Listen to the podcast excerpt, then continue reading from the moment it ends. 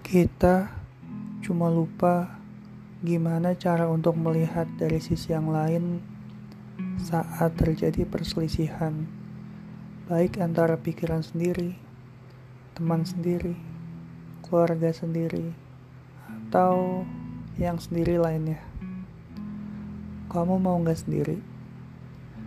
Rasain deh sekitar. Meski itu cuma satu kamar yang setiap hari kamu tinggalin. Ini lebih dari cukup saat tahu di mana letak bersyukurnya.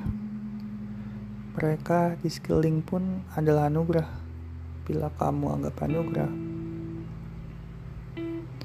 Selain itu, anugerah yang paling bisa dirasa adalah saat di mana beberapa orang atau beberapa hal saling bisa merasakan keberadaan. Pengabaian adalah salah satu yang dapat hancurkan itu. Jangan abaikan jika kamu masih ingin dianugerahi anugerah dan jika ada selisih, coba renung dan lihat dari sisi lainnya. Dan tahu apa?